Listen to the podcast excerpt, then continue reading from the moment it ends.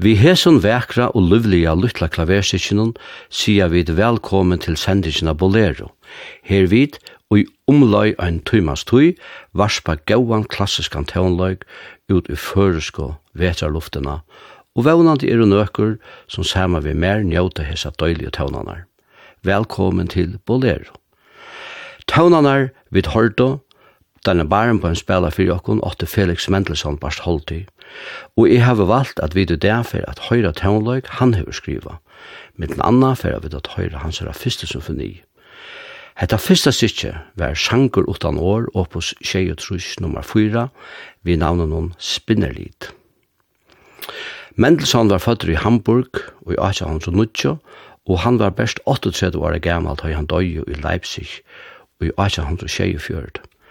Han var av jødiskar i 8 feir hans er at Abraham Mendelssohn, Abben var Moses Mendelssohn og var filosofer. Mamman var av kjentare prøysiskare at. Så vi kunne visst sija at hesen Felix er oppvaksen i en vela familie som òsni hever haft iverskått til at soneren fekk han lærdom honom tørvei. Toi han vusti ekvilja tullia sera gau musikalsk evner. Felix Mendelssohn byrja i tullia skriva tonløg, og samleie produksjon hansara er rattelige omfattand. Nasta styrkje vi fer at lusta etter er fyrste satsur ur studiekvartett nummer 8 i Estor og på 12. Verset er skriva i 1820 og av einon 20 år gamle Mendelssohn. Satseren hever en sera vekran, melodiskan og lyriskan inngeng i raulion tempo, adagio non troppo, fyrir sujane affære iver i kjøtt tempo allegro. Vi høyra esker studiekvartettina ur New York spela fyrir okkur.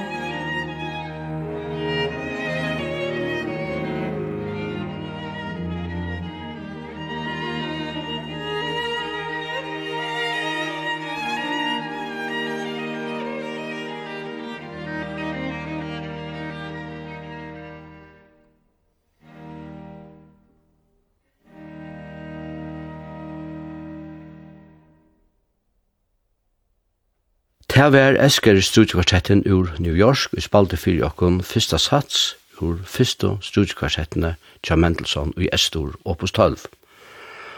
Vi bavon taimen undanfarne bolerosendingon hon, og i hessen årenon hev jeg spalt enn symfoni fyrirtikon.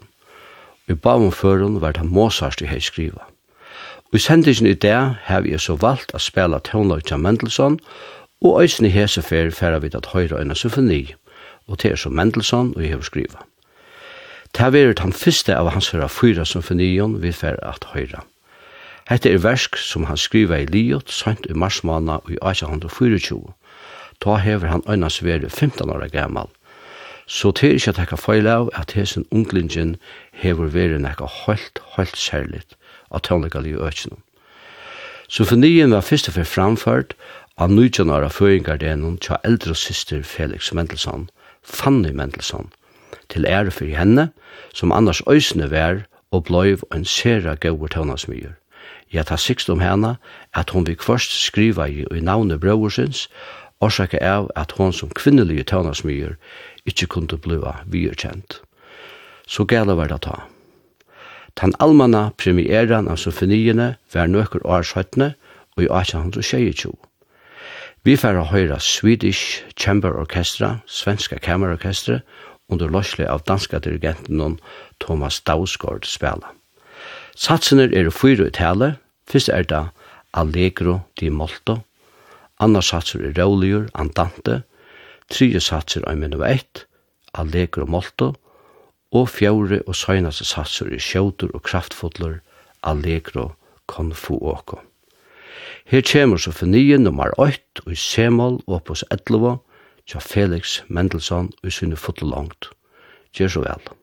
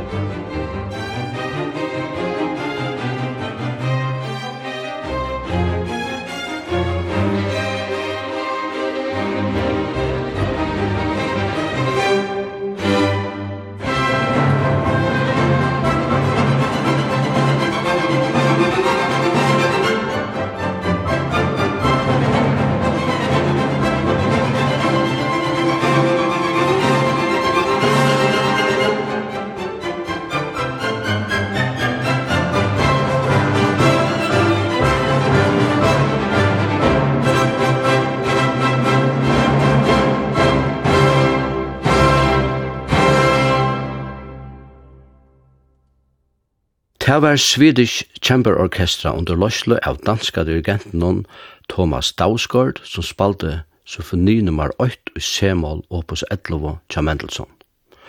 Og fra tog færa vid iver til klavertånlag fra hans hånd.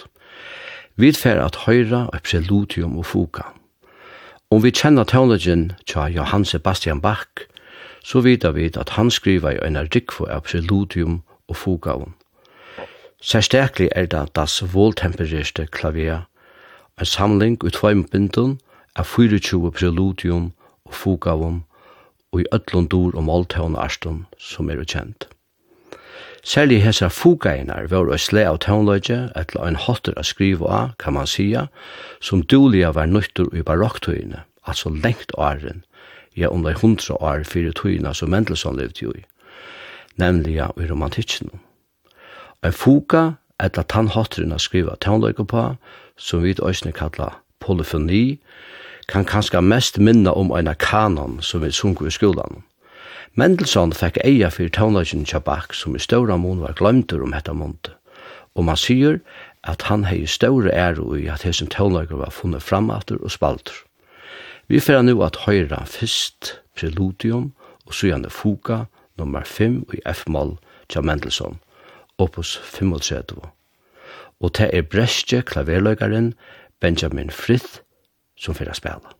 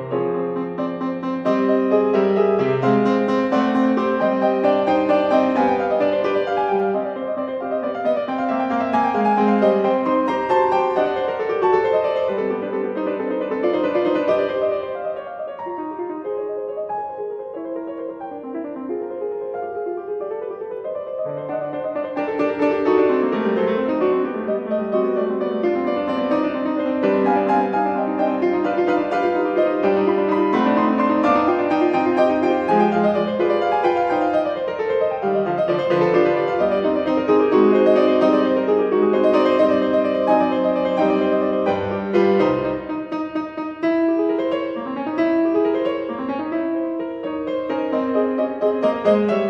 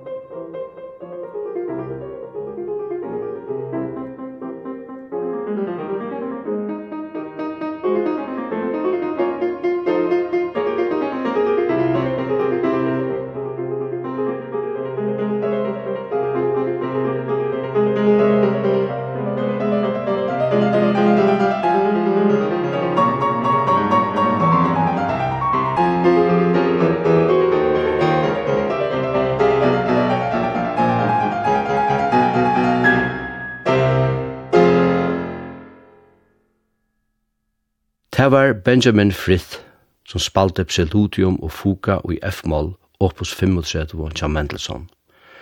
Vid tverra sujane at høyra ein av mongo sangunon utan år Jan Mendelssohn.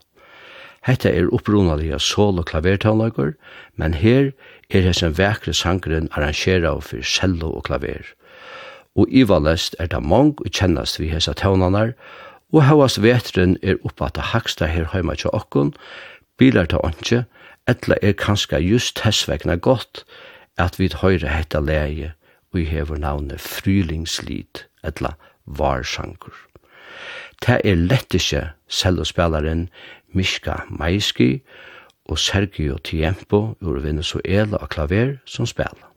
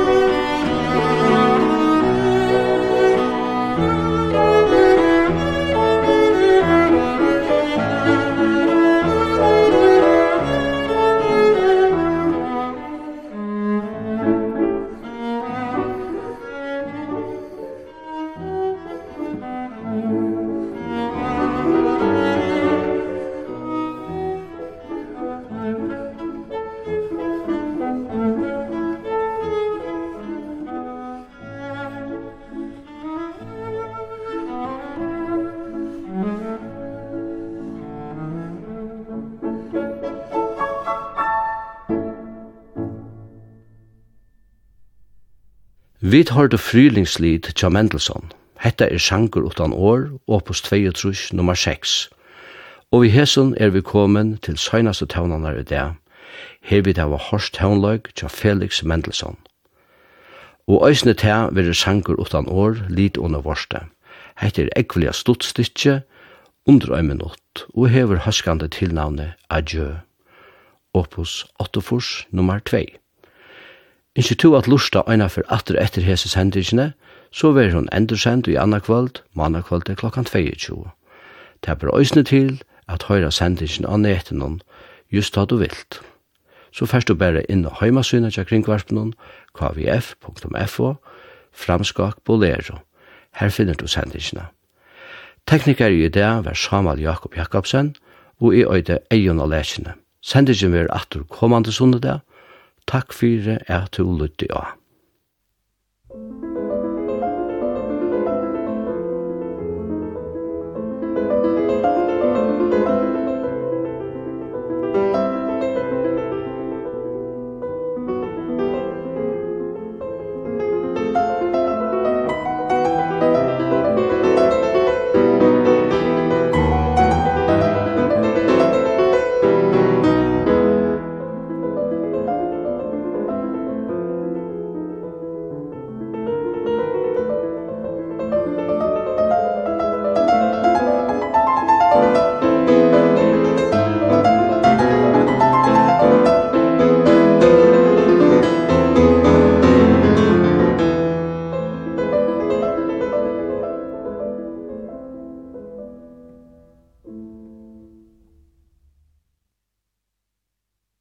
Hetta var sendingin Bolero, og det var egnan lærkene vi leie sendingina til Rattes.